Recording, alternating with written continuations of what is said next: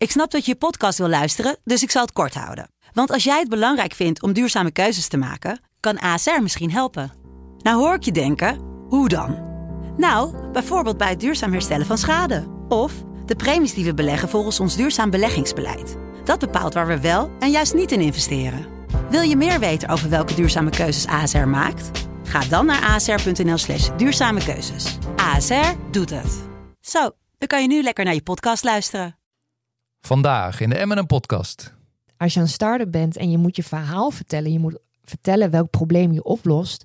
Ja, dat is al een heel belangrijk stuk van je marketing, want dat moet terugkomen in je website, in je pitch deck.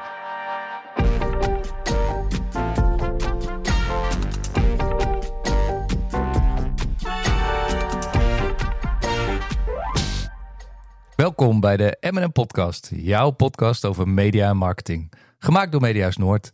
In deze podcast gaan we op zoek naar de impact van actuele ontwikkelingen rond media en marketing op ons als professional. In M&M podcast hoort Joël, die weer naast me zit, en mijn naam is Michiel. Joël, vandaag een bijzondere aflevering. Ja, zoals jij noemt een lustrum aflevering. Ik noem het een... Ja, want het is het tiende. Ja, ja, het gaat snel. Ik vind het wel een mijlpaal. En eh, we zitten trouwens weer vandaag in, de, in eh, Studio Zoinks in Groningen. Ehm, we hebben echt wel, eh, wel toffe onderwerpen gehad de laatste... Ja, zeker. Ik Tijd, vond hè? onze afgelopen eh, podcast ook een, eh, prachtige aflevering. Ja, De Arjen Boekel. Dus ik ben benieuwd naar de reacties. En ik ben ook benieuwd naar wat we vandaag gaan bespreken. Ja, ja, daar gaan we het zo over hebben.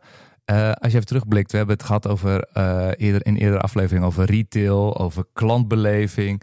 We hebben, we hebben Willem van Sikkom gehad, hè, vrije journalistiek, hospitality, impact. Eh, ja, eh, impact inderdaad, mobiliteit. Ja. Welke is jou het meest bijgebleven? Ehm, toch wel de laatste aflevering, Impact. Dat is ook een onderwerp eh, waar ik me graag mee bezig hou. Dus die is me gewoon bijgebleven. Maar ik vond eigenlijk alle gasten wel heel leuk. Wat, wat je ziet is dat, dat er toch iets overkoepelends is bij alle gasten. En dat dat ze behoorlijk trots zijn met, op het onderwerp of het thema waar ze zich dagelijks mee bezighouden. Ik, ik leer er zelf ook ontzettend veel van. Dus daar ben ik ook heel blij om. Ja, en voor onze luisteraar, we hebben nog heel veel ideeën. Ehm, maar onderwerpen die nog ho- hoog op ons lijstje staan zijn eh, uiteraard eh, eh, artificial intelligence. Juist. Ehm, we hebben een hele gave aflevering gepland staan. eh, die gaat over performance coaching.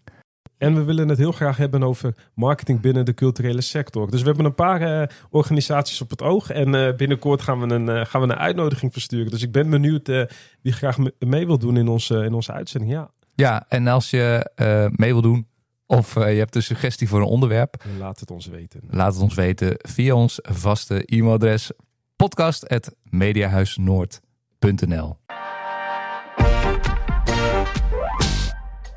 Hey, vandaag eh, hebben wij een gast die zich bezighoudt met het overbruggen van de, de kloof die je hebt tussen start-ups aan de ene kant en de middelen, de kansen, het netwerk dat je nodig hebt om eigenlijk de groei te versnellen aan de andere kant. We gaan het hebben over startups, eh start-up marketing. Eh, we gaan het überhaupt hebben over ondernemerschap en of het een mindset is. En, maar ook hoe je gewoon in staat kan zijn om als startend bedrijf eh, de next step te pakken, te maken. Hoe kan je ervoor zorgen dat je jezelf op de kaart zet? En hoe zorg je ervoor dat je naar de zogenoemde scale-up kan gaan? En eh, we konden eigenlijk maar met één persoon hierover hebben. Klopt, En- klopt. En, eh, en dat is de persoon die ons ook helpt met het produceren van deze leuke podcast. En die zit eh, nu wederom weer naast ons. Tjarda, welkom. Hoi, Ja. hoi, dankjewel. Jarda Polderman, warm welkom. Leuk dat je er bent in de studio. Vind ik ook. Absoluut. Hey, als ik jou eh, vraag in drie zinnen, waar kom jij elke dag je bed voor uit? Wat zeg je dan? Om het noordelijk ecosysteem sneller te laten groeien. En dan met name zijn dat eh, de start-ups. Het is heel, kort, hè? Heel kort. Eén zin. Kort Leuk. en krachtig. Het is al meteen de elevator pitch. Ja. Ja, Ja. ja, ja. Ja, helemaal goed. Wij gaan er zo over verder praten. Voordat we dat doen, hebben wij traditiegetrouw, en dat doen we al tien afleveringen, de welbekende stellingen. En dat betekent dat wij jou in één minuut aan de tand gaan voelen, zodat Ja. onze luisteraar jou wat beter leert kennen. Daarbij moet je steeds kiezen. Dus één Spannend. of twee, zwart of wit. Ja. En allebei mag niet. Oké, nou dat, dat kan ik wel. Dat, ja, dat kun jij? Ja. Nou, helemaal top. Dan gaan wij dat doen. Ben je er klaar voor? Zeker. Komt-ie. Groots en meeslepend of klein maar fijn? Groots en meeslepend. Veel of weinig risico nemen. Veel risico nemen. Groei in omzet of meer werkgelegenheid? Oeh, eh, meer werkgelegenheid. Stekker eruit of doormodderen? Doormodderen. Sociale impact of duurzame impact?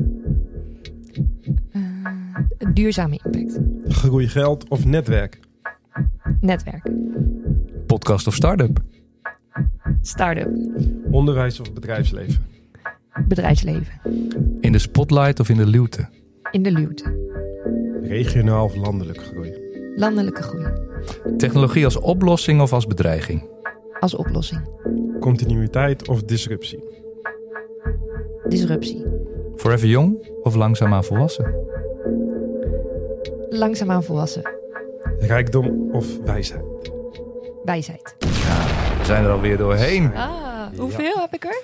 Nou ja, uh, je hebt er 15 gedaan. Yes. En in onze vorige aflevering, dat heb je vast ook onthouden, ja. waren het er 13. Dus ja, jij, jij, jij, staat in elk geval hoger dan Arjen Boekholt. Uh, hey, wat mij uh, opviel, jij ging voor groots en mislepend. Vertel. Daar moest ik heel even over nadenken, maar um, ik denk dat... uh, ik, ik kom niet zelf uit het noorden. Uh, ik ben opgegroeid in het westen en het oosten van het land. En uh, daar zegt iedereen altijd: Oh, jullie zijn heel direct. Of uh, iedereen vertelt daar heel graag over waar hij mee bezig is. En ik denk dat we dat in het noorden soms echt nog wel eens wat vaker mogen doen. Dus vandaar groots en meeslepend. Ja, zijn we te bescheiden? Soms wel, ja. Of ja. altijd wel? Vaak wel. Vaak wel, ja. Ja, ja. Dat gaan we vandaag niet doen. We gaan vandaag gewoon lekker trots zijn op uh, wat we hier doen. En wat we kunnen doen. En op welke bedrijven die zich hier vestigen. Ja. Maar ook met name groeien. Zeker. Dus, maar daar ben ik wel heel erg benieuwd naar, want je gaf het ook aan inderdaad. Je bent bezig met het noordelijke ecosysteem. Ja. Er zijn twee begrippen die we even moeten behandelen. Ecosysteem en noordelijk. zou jij noordelijk willen omschrijven voor ons? Ja, met noordelijk bedoelen wij echt de provincies Groningen, Drenthe en Friesland. En, en, en dus het is, is, het, is het alleen zeg maar de locatie, de regio's, of is het meer dan de regio? Is het ook een cultuur? Ik denk zeker dat het meer is dan alleen de regio. Kijk, regio is wel heel belangrijk. Alleen um, je, je kan daar ook de kop van Overijssel bij pakken en Twente bijvoorbeeld. Ja. Het gaat echt om de mindset. En nou ja, we hebben hier gewoon best wel een bijzondere cultuur. Ja, hoe zou je die omschrijven? Ik denk dat uh, met name wat, wat ik zelf zo mooi vind aan het noorden, zijn de korte lijntjes die we hier gewoon nog steeds hebben. En dat merk je gewoon. Um, je hoeft hier maar iemand te bellen aan te geven wat je nodig hebt. En of je zit al meteen bij de juiste persoon, of die persoon kent wel weer iemand en die zegt dan ook nog, ik bel wel even voor ja. jou.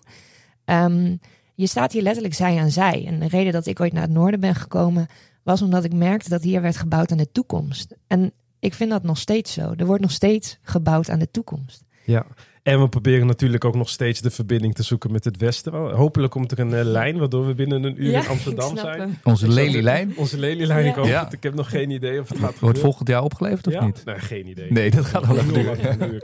Ecos ecosysteem dan. Dat is het tweede, tweede begrip die je benoemt. Wat houdt dat in? Nou, ecosysteem bedoelen wij met name als het gaat om... Uh, um, ja, je zei het al, we hebben het met name vandaag ook over de start-ups en de scale-ups. En uh, zij zijn niet alleen. Dus er hangen redelijk wat organisaties om hen heen die ze of verder kunnen helpen. Uh, maar ook de kennisinstellingen hoorden daarbij. Eigenlijk alles past in het ecosysteem, um, waardoor het Noord-Nederlandse ecosysteem ook kan groeien. En met name op economisch vlak. Um, dus ik noem even een Rug en de Hansen, maar ook een NL Stende. Die horen ook in dat ecosysteem, want daar worden met name jongeren ook geïnspireerd om bijvoorbeeld van een idee een start-up te maken als er echt gewoon uh, uh, nieuwe technologie wordt ontwikkeld. Ja, en, en als Founded in Groningen faciliteren jullie? Ja, wij zijn een onderdeel in dat hele ecosysteem. Ja. ja. En waarom hebben start-ups dan echt een organisatie als Founded in Groningen nodig? Nou, wij zijn ooit uh, ontstaan vanuit ondernemers. Ik denk dat dat een heel belangrijk verschil is, want dat geeft ook al wel aan dat er een noodzaak was voor een organisatie als Founded in Groningen. Um, maar we, en dan praten we met name over zes jaar geleden. Het ecosysteem zag er heel anders uit. Zowel op, basis van wetgeving, maar ook op basis van mogelijkheden. In de stad hadden we onder andere de Big Building. Dat was een heel mooi pand waar eigenlijk alle start-ups de kans hadden om zich te vestigen. Maar ook om samen te werken. Um, en je merkt gewoon dat, dat je vanuit een organisatie als founder daar soms best wel wat dingen in kan betekenen. We zijn eigenlijk altijd op zoek naar hoe kunnen we het zo makkelijk mogelijk maken voor start-ups om hier te kunnen groeien. Um, wat is eigenlijk Founded in Groningen? Want die term hoor ik nu een paar keer voorbij komen. Ja. Wat is dat? Nou, dat, heel plat is dat de naam van onze organisatie. Mhm. Um, en uh, wij zijn er echt voor we zijn geen commercieel bedrijf. Dus um, we worden gefund vanuit de gemeente en de provincie Groningen. Um, en wij zijn er echt voor om die start-ups het zo makkelijk mogelijk te maken om te groeien. En dat doen we op vier pijlers. Dat kan zijn markt, kapitaal, access to technology en um, talent. Dat is ook een hele belangrijke. En alles wat daar binnen valt, binnen zo'n pijler, ja, daar zetten we ons uh, voor in, maken we ons hard voor. Alles om die ondernemers te kunnen helpen groeien. Oké, okay. daar valt heel veel onder. Maar dan nog weer even terug van wat is eigenlijk een start-up? Ja, de start-up, de naam zegt het al. Het is een bedrijf wat start. Mm -hmm. uh, en start vanuit een idee en eigenlijk nog geen omzet heeft, nog geen klanten heeft. Um, kan wel zo zijn dat er al bijvoorbeeld een eerste pilot wordt gedraaid met een klant. Maar het gaat echt om van een idee een bedrijf maken. Dus echt die startfase. Ja, en, en stel nou, ik wil een, uh, een uh, weet ik veel, een winkel in kleding beginnen. Klop ik dan bij jullie aan? Uh, in, in, dit geval niet. Uh, nee? Wij hebben daar wel nog een aspect bij. En dat is het stukje technologie. Dus ja. um, um, je, je, stelde in je stelling ook al de vraag disruptive. Ja. Zeker. Wij zeggen altijd disruptieve technologie. Dat maakt dat je kan groeien en innoveren.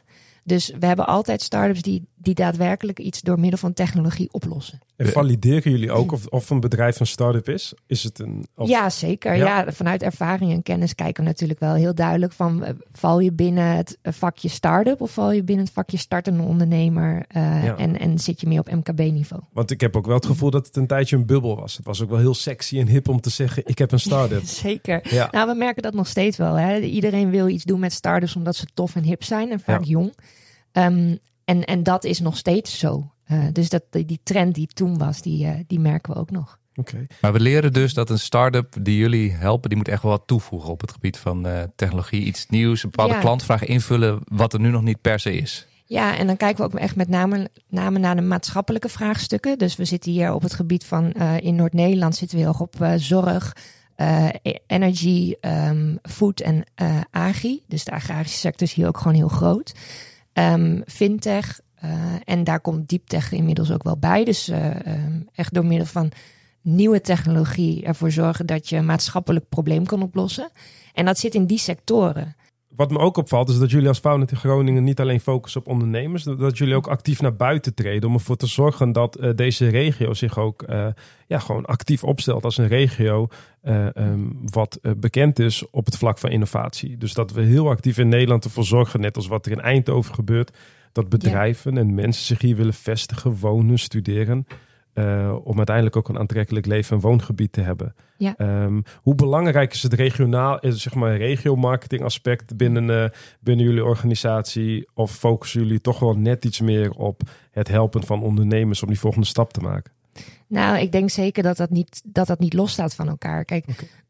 we kunnen uh, met z'n allen zeggen Noord-Nederland. Alleen een regio blijft gewoon heel erg belangrijk. Je noemde het zelf ook al.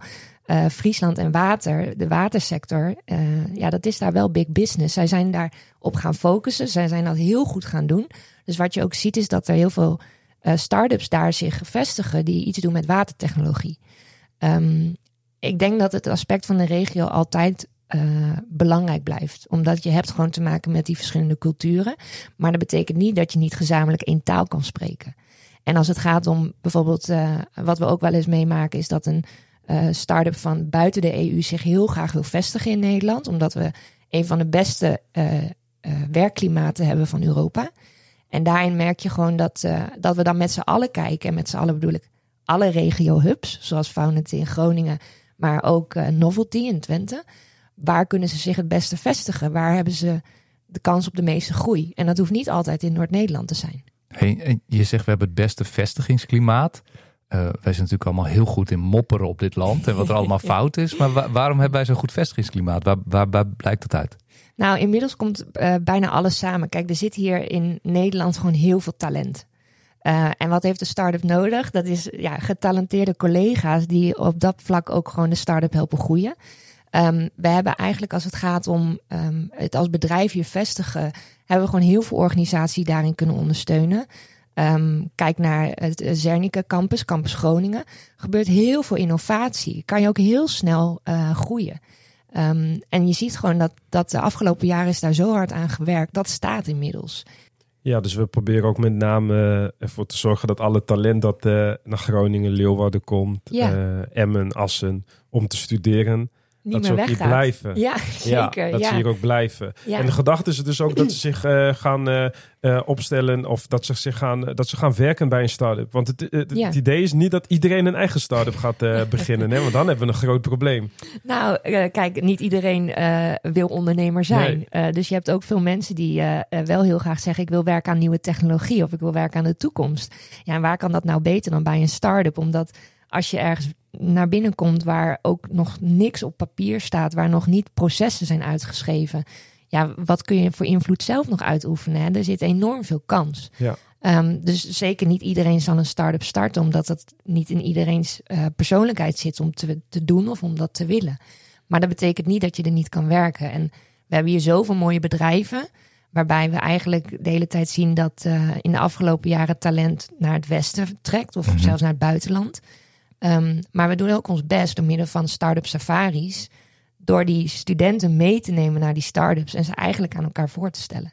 Fijn is het even, ik luister naar deze podcast en ik ben een uh, startende ondernemer en ik kom er nu achter van, hé, hey, ik ben een start-up. En, Ja.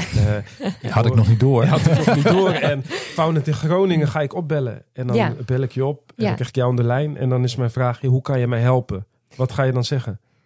Dat ligt eraan wat je nodig hebt. Dus eh, wij kijken echt naar eh, waar loop je op dit moment tegenaan. En dat kan in het simpelste geval zijn. Een start-up belde mij laatst. Ja, ik wil graag een kantoorruimte, maar ik wil een ruimte hebben waarbij ik met andere start-ups zit. Waar moet ik heen? Mhm. Uh, nou, dus dan koppel ik diegene weer aan uh, de juiste mensen. En dat kan Ja. bijvoorbeeld zijn um, nou, binnen het kwadraat of binnen Campus Groningen, als het gaat om de, een healthcare start-up. Um, maar het kan ook zijn dat er een start-up zich lanceert en zegt: Ik wil eigenlijk wel nog harder groeien, ik heb funding nodig.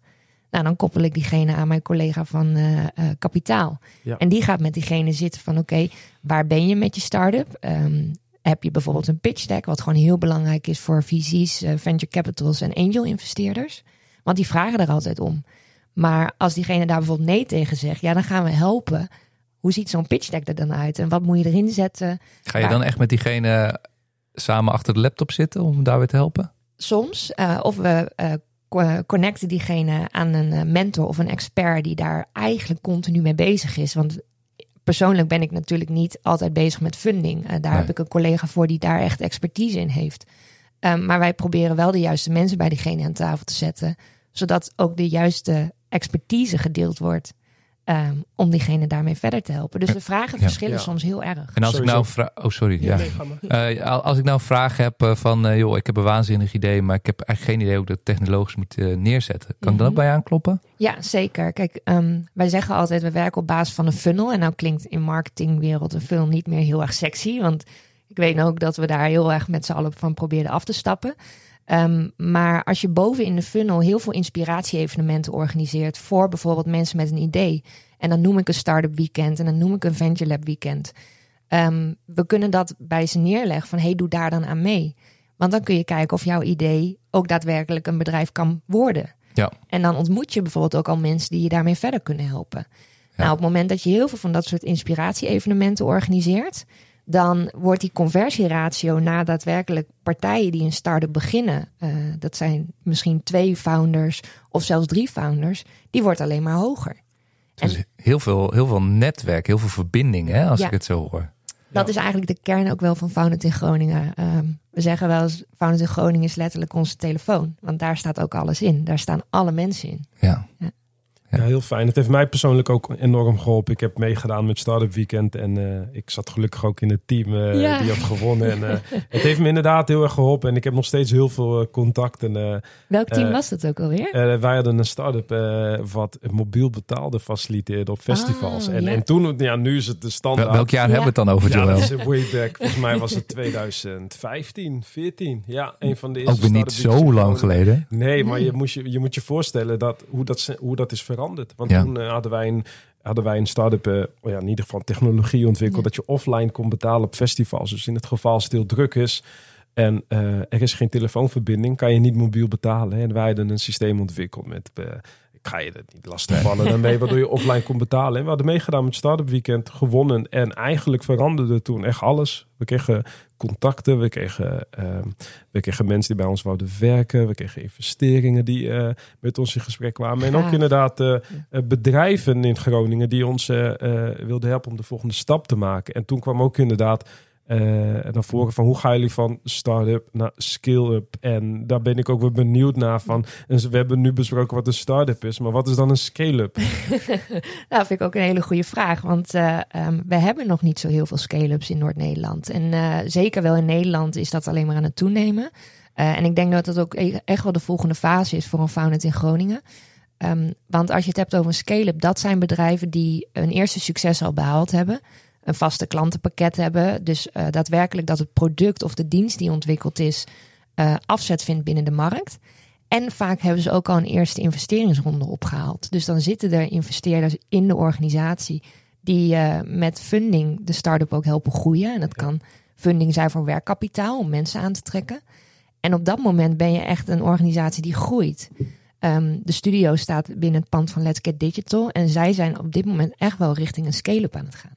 Maar je hebt je dus eigenlijk al bewezen in je eerste fase. Ja, je hebt ja. de, de, de, eerste stormen overleefd. Ja, je hoeft niet meer te knutselen aan het, uh, aan het product. Ja. Uh, je ontwikkelt het natuurlijk wel door, maar ja. uh, het is al bewezen dat je een probleem oplost. Ja. Dus er is niet een heel harde definitie van je hebt zoveel omzet of je bestaat zo lang of er zijn zoveel mensen in bij werkzaam. Of... Ja, die, die is er ook wel hoor. Dus uh, we merken dat uh, de definitie van een start-up en een scale-up in verschillende organisaties ook nog wel eens heel erg verschillend van elkaar kan zijn.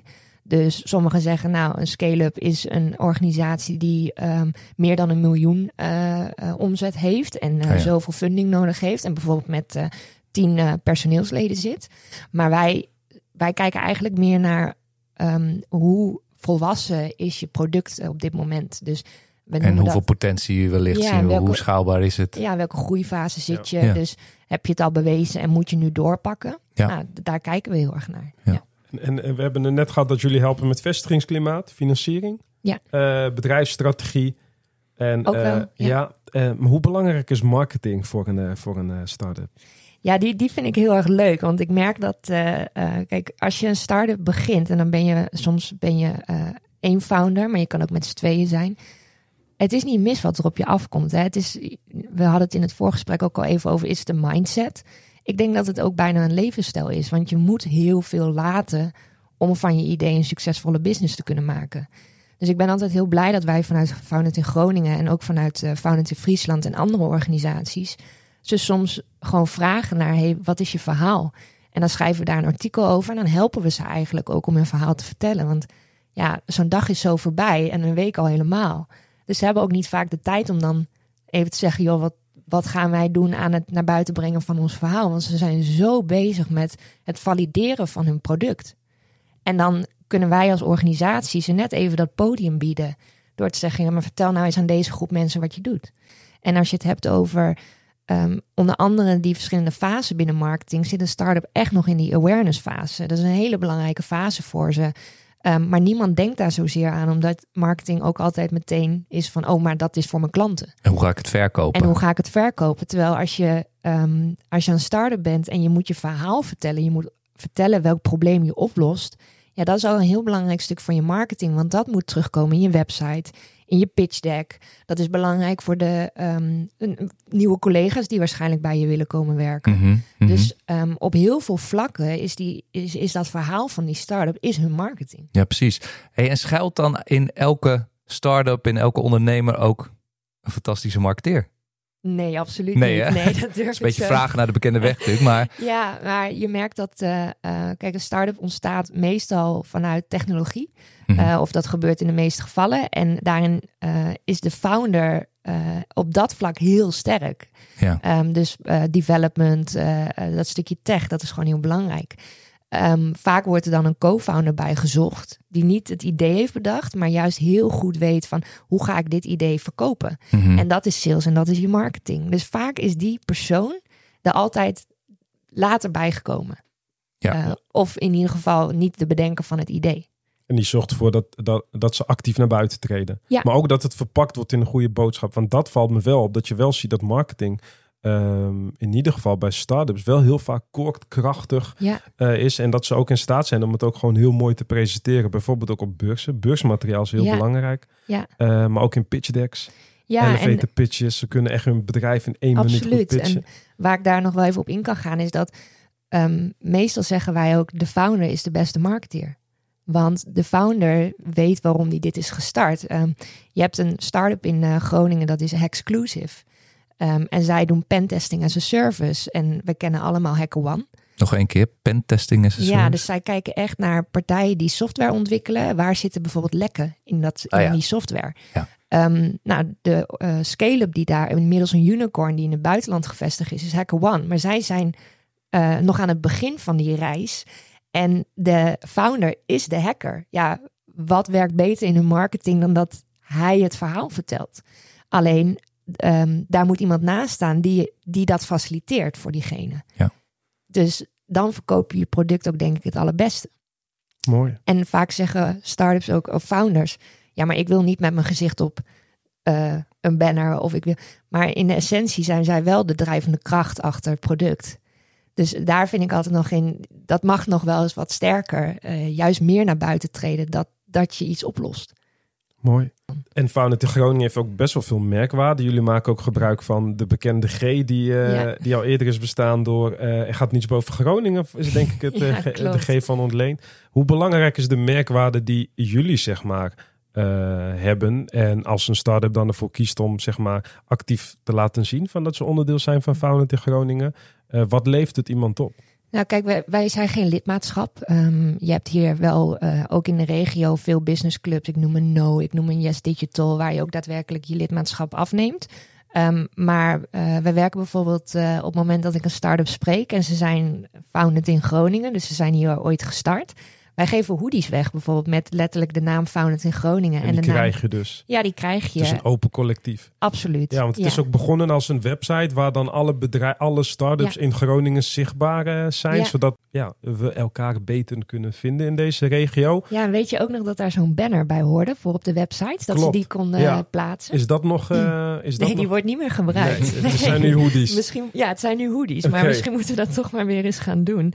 Eh, kijk, uiteindelijk is het zo dat we zijn best wel trots op wat hier allemaal gebeurt. Het is gewoon een heel mooi klimaat wat hier is ontstaan en waar de afgelopen jaren heel hard aan gewerkt is. Ehm, maar het is niet dat je lid wordt van Founded in Groningen. Kijk, als er een start-up die is die zegt, joh, niet voor mij, dan, dan mag dat. Ja, je, je- het moet niet. Nee, het hoeft niet. Ja, het nee. klinkt wel heel goed, want je wordt niet lid. Jullie vragen volgens mij ook geen geld voor jullie Nee, diensten. zeker niet. Nee. M- Maar ehm, wanneer zijn jullie dan succesvol? op het moment dat eh, eh, qua regio eh, de economie groeit.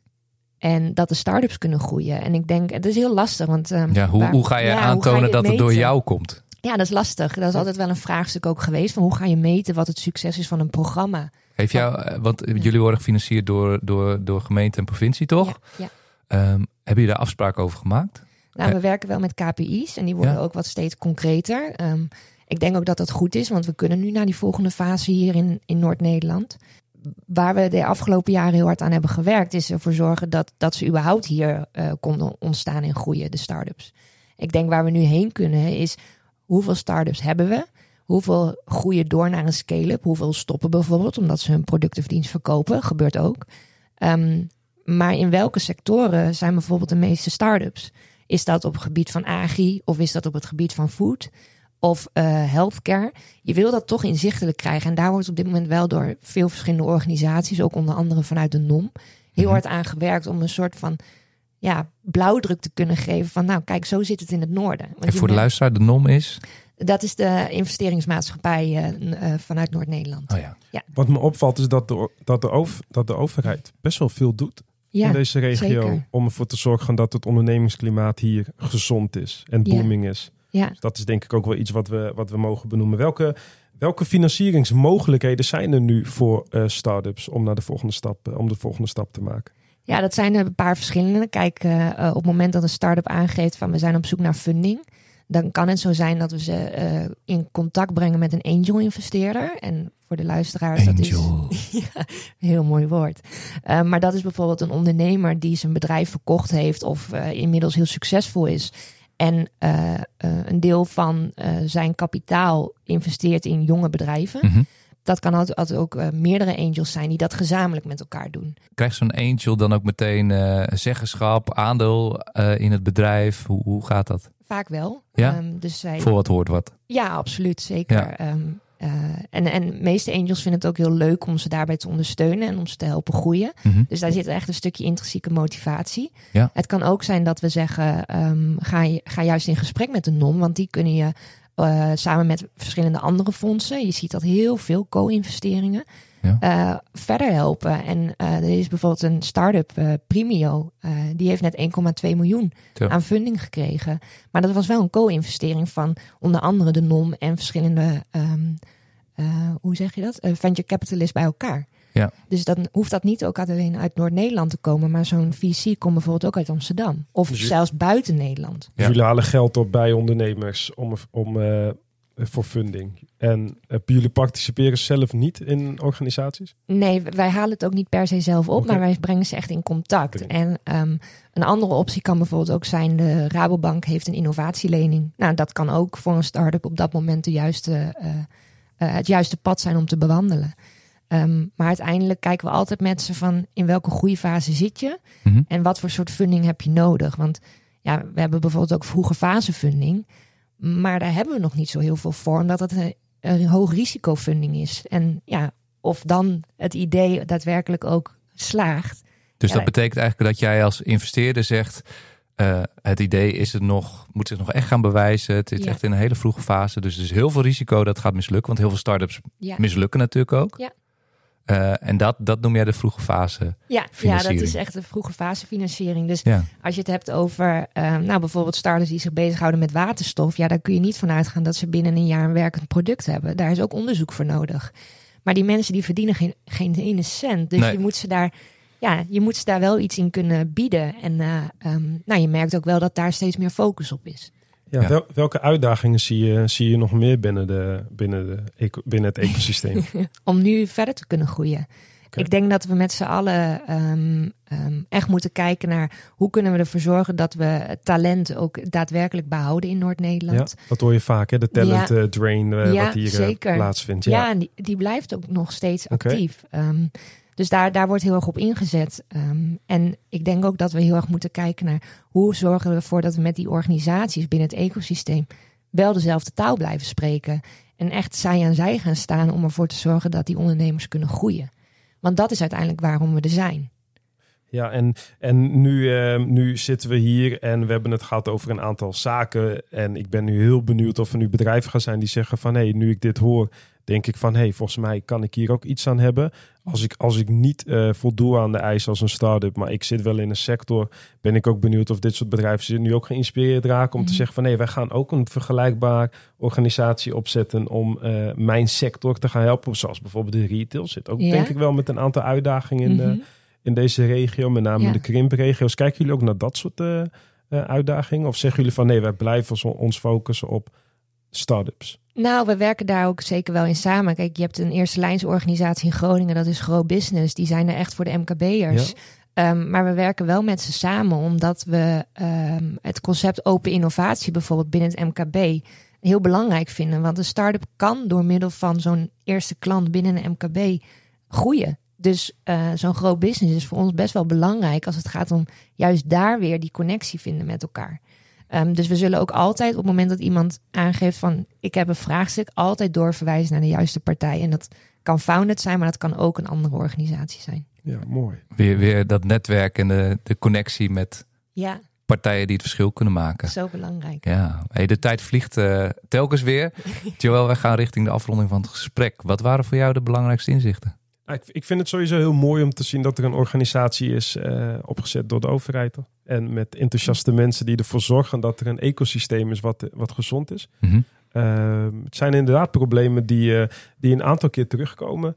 We hebben heel veel kansen in deze regio. Talent, we hebben een goede vestigingsklimaat. Maar we hebben ook een aantal uitdagingen. Hoe jullie er weten om te zetten naar, naar, naar kansen. Ik ben Ja. heel erg benieuwd hoe zich dat gaat eh, ontwikkelen. En eh, wat ik ook heb geleerd is dat het heel belangrijk is om te weten van, nou, dat je een plek hebt.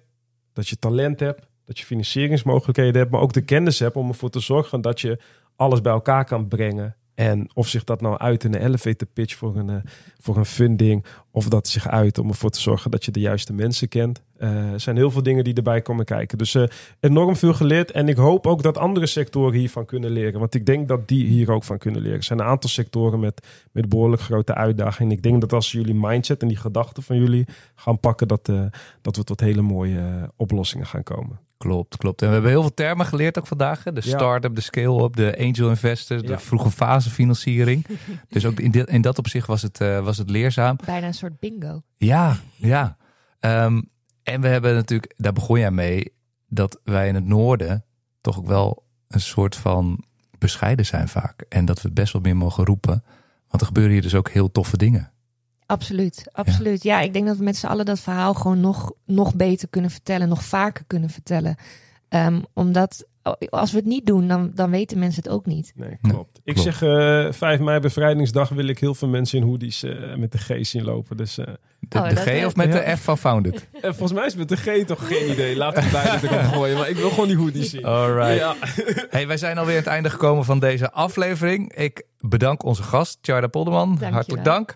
Uh, mocht je deze podcast leuk vinden, abonneer je dan. Je vindt ons op mediahuisnoord.nl en de bekende podcastplatformen. Bedankt voor het luisteren en tot de volgende M&M podcast over media en marketing.